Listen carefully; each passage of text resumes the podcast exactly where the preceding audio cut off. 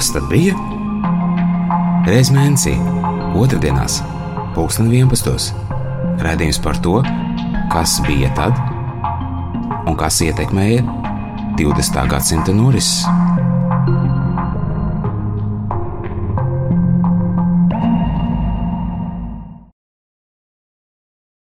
Labdien! Šodien raidījumā Kas tad bija?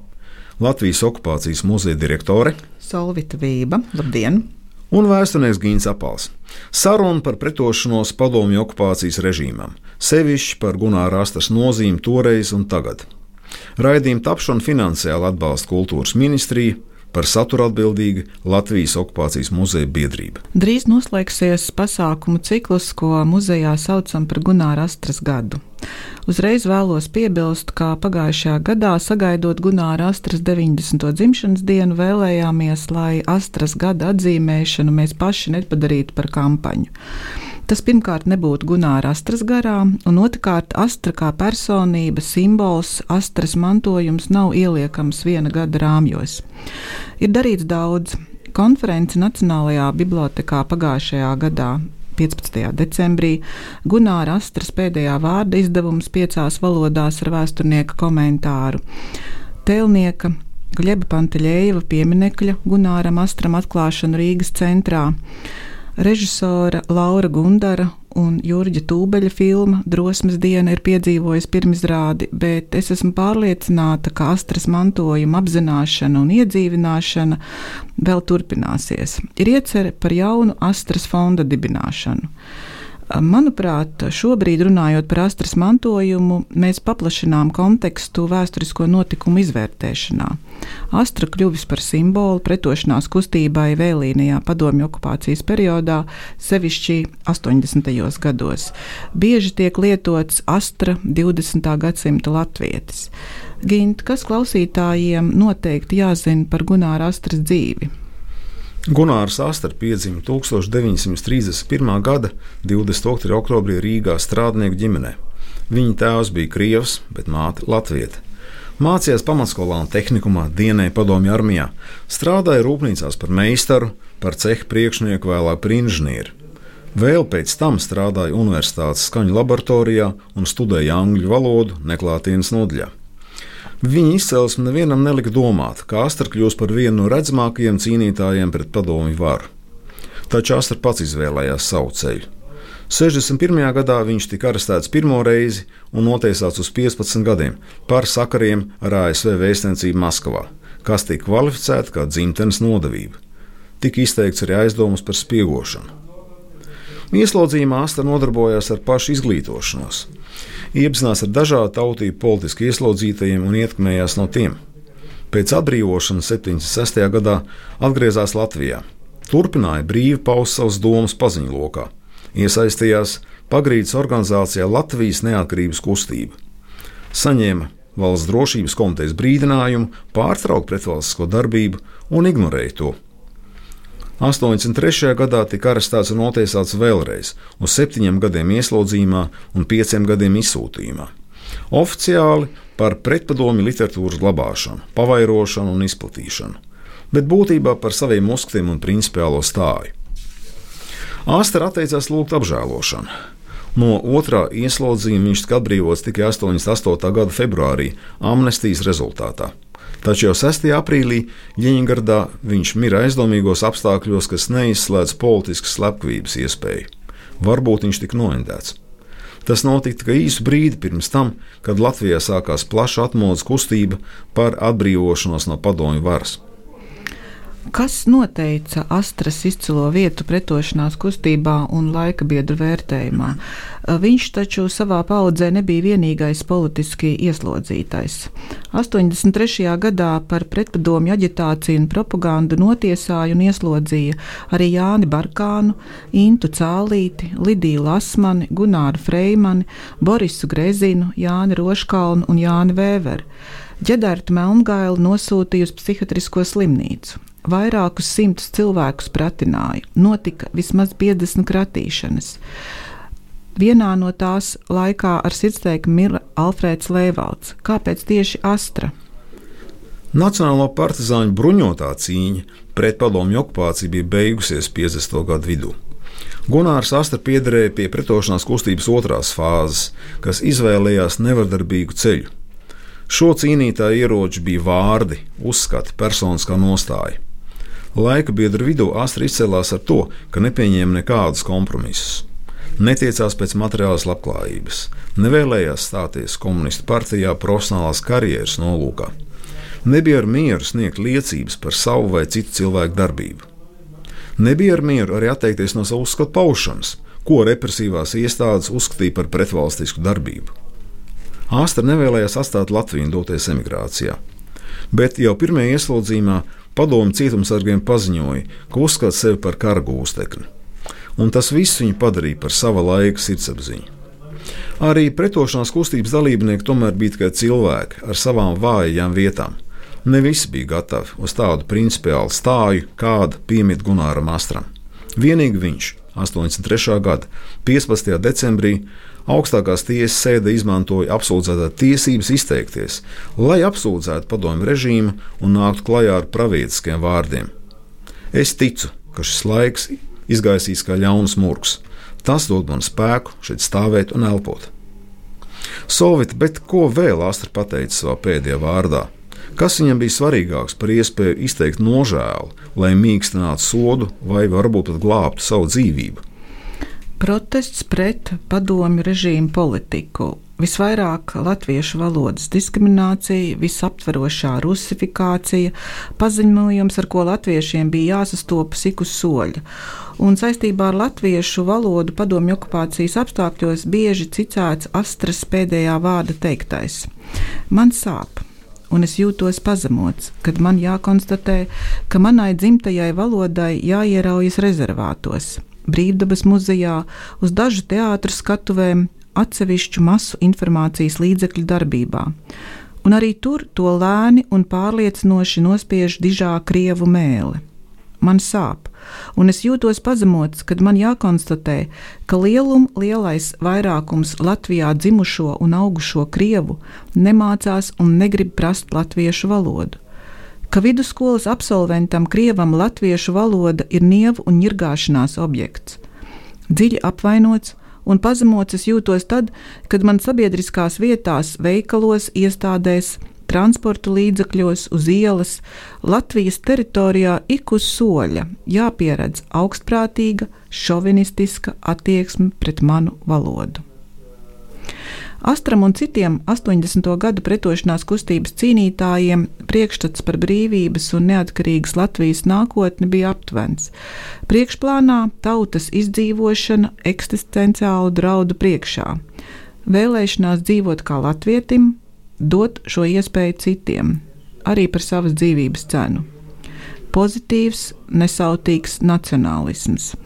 Astra lika pirmajā vietā kolektīvās vērtības, tautas pastāvēšanu.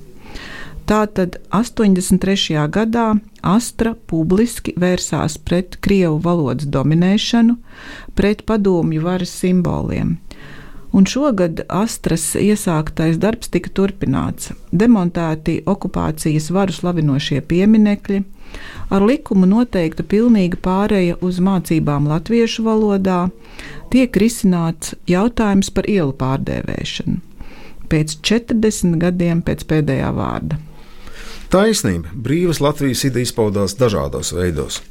83. gadā tā netika viennozīmīgi saistīta ar satversmes darbības atjaunošanu. 80. gados šis jautājums nebija skaidrs ne pretošanās kustībai, ne atmodas kustībai, nedz arī trījus organizācijām. Latvijas Tautas fronte tikai 89. gada vasarā nonāca līdz konkrētam mērķim atjaunot valsts neatkarību, bet par satversmes atjaunošanu vienojās tikai 90. gada pavasarī. Taču pirms atmodas bija centieni panākt Gunāra astras atbrīvošanu. Konkrētos apstākļos tā arī bija politiska rīcība. Jā, bet eh, Latvijas sabiedrības atbalsts nebūtu nebija tik plašs. Otrā ieslodzījuma laikā par viņu atbrīvošanu cīnījās samērā neliela tuvinieku, draugu un domu biedru grupa - Gunāra astras atbrīvošanas komiteja, kas bez sekmēm meklēja Rakstnieku savienības biedru atbalstu.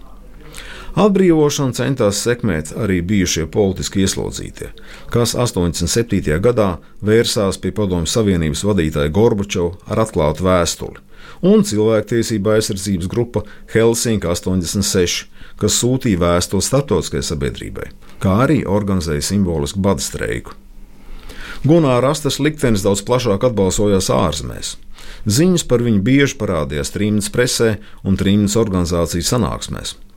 Pateicoties Pasaules Brīvo Latviešu apvienības aktivitātei, Astras atbrīvošana kļuva par starptautiski nozīmīgu jautājumu. 87. gadā ASV prezidenta Reigana proklamācija par apspiesto tautu nedēļu pievērsa uzmanību politiski ieslodzīto liktenim Padomju Savienībā, konkrēti minot arī Gunāra Astras vārdu. Viņa sprieduma pārskatīšana PSRS augstākajā tiesā, un vēlāk atbrīvošana bija starptautisks spiediena rezultāts. Tā pamatā savukārt bija plaša un mērķiecīga atbalsta kampaņa ārzemēs. Daudzi cilvēki tiecas domāt, ka atmodas kustība bija tikai Latvijas iekšējā lieta. Tā gluži nav. Gan represijām, gan atmodas kustībai bija plašāks konteksts. Astras tiesāšana abas reizes sakrita ar saspīlēm PSRS un ASV attiecībās. Tas noteica padomu režīmu kampaņas pret opozīciju, iekšējo ienaidnieku meklējumus un centienus viņus izolēt. Bet tautas frontes izveidošana kļuva iespējama tikai režīma liberalizācijas apstākļos, ko noteica Padomju Savienības zaudējums ekonomiskajā un militārajā sacensībā ar rietumiem. Turklāt tautas frontes pastāvēja ne tikai Baltijā, tādas tapa arī Baltkrievijā, Moldovā, Ukrainā, Armēnijā, Azerbaidžānā, Grūzijā un Krievijā. Komunistu partija vēlējās radīt masu organizācijas savas pārbūves politikas atbalstam, taču nespēja kontrolēt šo procesu virzību. Vienā ziņā gan pilnīgi piekrītu. Pretošanās kustība bija un joprojām ir ļoti ietilpīgs jēdziens.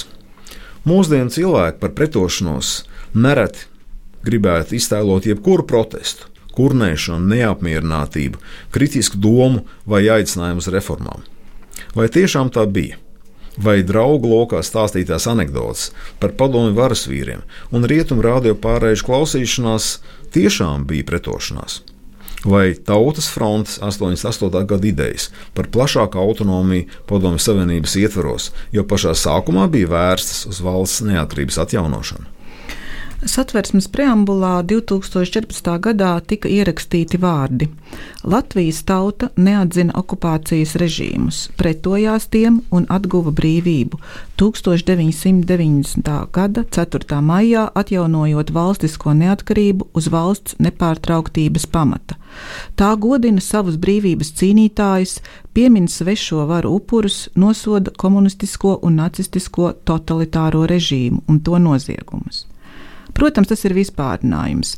Likums par Nacionālās pretošanās kustības dalībnieku statusu jēdzienu konkretizē. Par Nacionālās pretošanās kustības dalībniekiem atzīstami Latvijas pilsoņu un iedzīvotāji, kuri Latvijas teritorijā no 1940. līdz 1960. gadam pirmkārt piedalījās bruņotā cīņā un pagrīdes cīņā pret okupācijas režīmu, otrkārt veicināja to un sniedza cīnītājiem palīdzību, treškārt propagandēja Latvijas Republikas neatkarības atjaunošanas ideju, kā arī atklāti vērsās pret okupācijas režīmu un tā ideoloģiju. Par nacionālās pretošanās kustības dalībniekiem atzīstam arī cilvēki, kuri Latvijas teritorijā no 1961. gada līdz 1990. gada 4. maijam par savu politisko darbību vai pārliecību tika notiesāti vai piespiedu kārtā nepamatot ievietot ārstniecības iestādēs. Kopš 2021. gada Saima var atzīt par pretošanās dalībniekiem arī cilvēkus, kuru darbība šiem kritērijiem īsti neatbilst. Tādā veidā šo statusu ieguva Leo Hirsons, pēdējais padomju varas politiski ieslodzītais, kuru no VDK izmeklēšanas izolātora atbrīvoja tikai 1990. gada 16. maijā. Tas ir 12 dienas pēc neatkarības atjaunošanas deklarācijas. Gint, ko šis fakts liecina par sabiedrības attieksmi pret neatkarību atmodas gados? Vēsturnieku debatēs pretošanās un kolaborācija, jeb sadarbošanās ar padomu režīmu, zināmā mērā ir cieši saistīti jautājumi. Okupācijas apstākļos viena cilvēka pretojās, citi aktīvi atbalstīja svešo varu, bet lielākā daļa pakāpeniski samierinājās un piemērojās apstākļiem. Vēlīnijā posmā arī atbalstīja reformas. Realtāte nebija melnbalta. Taču mūsdienās sabiedrība un valsts par visu ļaunumu sakni tiecas uzskatīt svešiniekus, kas pārstāvēja okupācijas varu un īstenoja tās politiku. Latvijas tautas iekšējie konflikti un katra cilvēka personiskās dilemmas paliek otrajā plānā. Vai okupācijas muzejs atspoguļo šos jautājumus? Manuprāt, tā ir viena no sarežģītākajām tēmām, reizē arī maz izpētītām būtu godprātīgi jāatbild, vai tikai svešinieki īstenoja okupācijas varas politiku. Vispārīgi esam atbildējuši, ka nē, kolaborācija bija, bet neesam izpētījuši okupācijas varas politikas īstenošanu dažādos līmeņos, kā arī varas ietekmi uz individu rīcību, karjeru, dalību sabiedriskajā dzīvē, personiskajā dzīvē. 2023. gadā muzejs ir plānojis organizēt konferenci Pretošanās un kolaborācija okupācijas apstākļos - Latvija, Baltija, PSRS un Austrumbloks. Tādējādi darot pieejam arī reģiona ekspertu pētījumus šajā tēmā. Un tas būtu tikai aizsākums plašākām debatēm, ja runājam par šīs tēmas izpētes aktualitāti Latvijā. Jā, tas būtu ļoti svarīgi. Par iesaistu padomju varas noziegumos pret Latvijas tautu notiesātu pavisam nedaudz cilvēku par genocīdu un noziegumiem pret cilvēci. Alfons Noviks, Mihails Farptus, Nikolais Tess, Jevgeņijs Savenko un Nikolais Larionovs, bet par kara noziegumiem Vasilijs Kononovs. Tas arī viss. Vai tiešām padomju varas terorā vainīgi tikai šie indivīdi? Tie, kas vajāja Gunāru Astru, palika bez soda. Šodien vajadzētu vismaz nosaukt vārdus 83. gadā Astars lietu izmeklēja valsts drošības komitejas virsnieki Elmārs Bērziņš un Arvils Pūrs. Lietas virzību pāraudzīja komitejas priekšādātājs Boris Spugo un viņa vietnieks Boris Vasiljevs. Izmeklēšanas daļas priekšnieks Nikolais Ņevickis, viņa vietnieks Staņislavs Bravackis un nodaļas vadītājs Valdemārs Dembovskis. Apsūdzības rakstu apstiprināja prokurors Jānis Zenītis bet tiesā apsūdzību uzturēja Valdis Bataraks. Spriedumu pieņēma tiesas priekšādātājs Aivars Krūmiņš ar piesēdētājiem Viju Bitmeti un Jurinu Kuļcevu. Daži no šiem cilvēkiem joprojām ir starp mums, taču jautājums šobrīd nav par konkrētu kolaborantu sodīšanu. Tas ir nokavēts. Vairāk par sabiedrības attieksmi pret padomu režīmu un savu pagātni. Gunāra astras tēls ir svarīgs, lai cilvēkiem atgādinātu par totalitārismu noziedzīgo būtību un arī par brīvības cenu. Jā, un arī lai atgādinātu par vērtībām. Un, manuprāt, varētu sarunu pabeigt ar astras citātu no pēdējā vārda. Mani šeit ir atvedusi mīlestība un cieņa pret manu tautu, kā arī varmācīgie pasākumi, kas vērsti uz manas tautas dvēseles noniecināšanu un noplicināšanu. Latviešu tauta, latviešu tautas dvēseles saglabāšana kā galvenais vērtību mērs, no kura astra neatkāpās.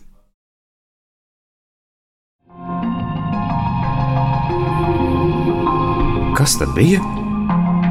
Reiz mēnesī, otrdienās, pulksten 11. Radījums par to, kas bija tad un kas ietekmēja 20. gadsimta norises.